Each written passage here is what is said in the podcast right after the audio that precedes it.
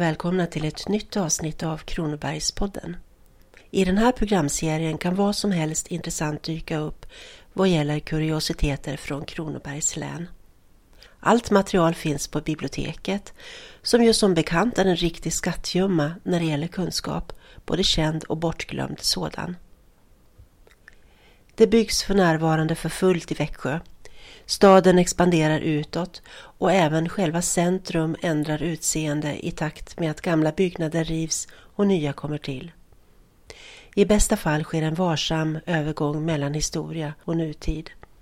Stationsområdet är föremål för en total förändring i och med byggandet av Sveriges fjärde World Trade Center i sju våningar samt nytt bostadsområde, ny angöringsplats till resecentrum och en bilparkering under mark. Så stadsbilden förändras snabbt. Men då kan det vara både roligt och viktigt att känna till vad som fanns på plats dessförinnan. Där bussterminalen idag sträcker ut sig i sin fulla längd vid Norra Järnvägsgatan låg tidigare järnvägens godsmagasin. Men innan dess fanns där på bangårdens nordvästra sida ett ridhus som alltifrån uppförandet år 1881 och mer än 30 år framåt på många sätt innehade en central roll för nöjeslivet i Växjö. Här kunde man, förutom att själv rida, ta del av riduppvisningar, välgörenhetstillställningar och inte minst gå på cirkus. Initiativtagare till ridhuset var kammarjunkare Karl Ehrenstråle från Gåvetorp som år 1880 flyttade in till Växjö och förmådde länets hushållningssällskap att på järnvägsområdets tomt uppföra ett ridhus med möjlighet till utställning av gödboskap. Det bildades ett ridhusbolag där delägarna såväl som att andra i Växjö sig uppehållande personer kunde beredas tillfälle att förskaffa sig en för hälsa nyttig motion även som undervisning i ridkonsten, som man så välformulerat uttryckte det. Vid den högtidliga invigningen av ridhuset den 30 november 1881 stod cirkussällskapet Cirque du Nord för evenemanget. De 800 åskådarplatserna var fullsatta och Smålandspostens chefredaktör Alfred Hedenstierna, känd under pseudonymen Sigurd, raljerade i ett av sina rikskända kåserier som gick under benämningen kaleidoskop om både olycksfallspremier och farlig trängsel.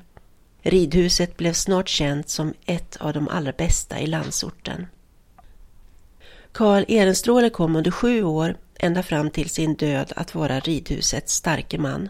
Han var en kunnig hippolog, det vill säga hästkännare, ryttare och instruktör och han var mån om att hålla priset för ridlektioner så lågt som möjligt.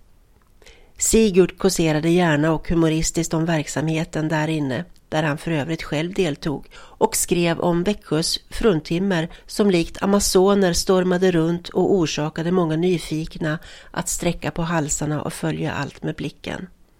Det förekom också klubbridning, då deltagarna, både män och kvinnor, red ut till Kronoberg, Evedal eller Araby och visade sina färdigheter.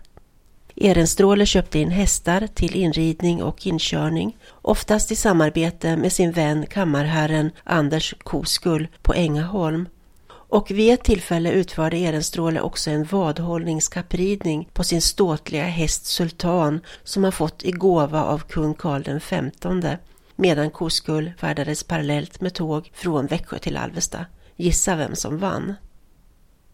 Både kända cirkussällskap och lokala amatörer uppträdde i ridhuset.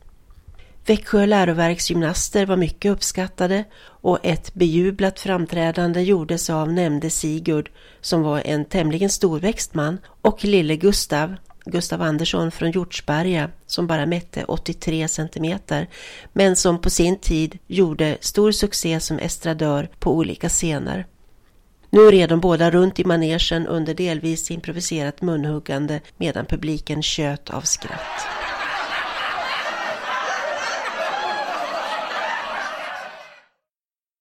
Cirkus Hocke, Cirkus Busch och Cirkus Madigan var några av de cirkussällskap som återkom många gånger. Och i den sistnämnda var Elvira Madigan fosterdotter till cirkusdirektören och hans hustru. Som lindanserska var hon cirkusens stora artist. Karl Ehrenstråles brorson Gustav fick det återkommande förtroendet att följa med Elvira, som annars var strängt kontrollerad, ut på ridturer till Reppe, Evedal, Kronoberg och Telestad. Gustav beskrev henne som mycket behaglig, okonstlad och med både ett älskligt väsen och beundransvärt långt guldhår, även om man inte kunde upptäcka hennes omvittnade skönhet.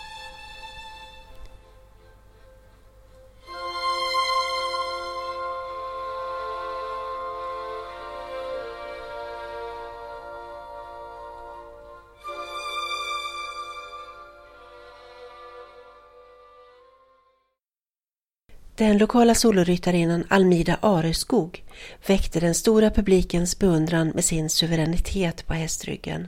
Hon var en originell men fint bildad kvinna med stark integritet, född i Skåne men efter föräldrarnas död bosatt i Växjö. Här blev hon nära vän med Karl Ehrenstråle och bland hans hästar i ridhuset fäste hon sig särskilt vid det svårtyglade stoet Fiffi som hon utan tvekan kunde hantera. När Ehrenstråle dog fick hon överta hästen och snart blev hon övertygad om att hennes väns själ hade flyttat in i Fiffi. Vid den dagliga rastningen av hästen genom stadens gator kunde hon genom dess gnäggningar och stampanden ibland utläsa hälsningar från Ehrenstråle till människor de mötte. Hon förblev både hästvän och originell och uppnådde hög ålder. Ridhusets epok tog slut när Växjö Alvesta järnvägsaktiebolag slog fast att bangården behövde ökat utrymme. Och så revs för nästan exakt hundra år sedan denna ståtliga vita byggnad för att ge plats åt godsmagasinet som inte heller det idag längre finns kvar. Men historien lever och den kan man med god behållning dyka ner i. Den här gången hade jag gott sällskap av Nils Hyltén Cavallius och hans personligt skrivna böcker om gamla Växjö. På återhörande.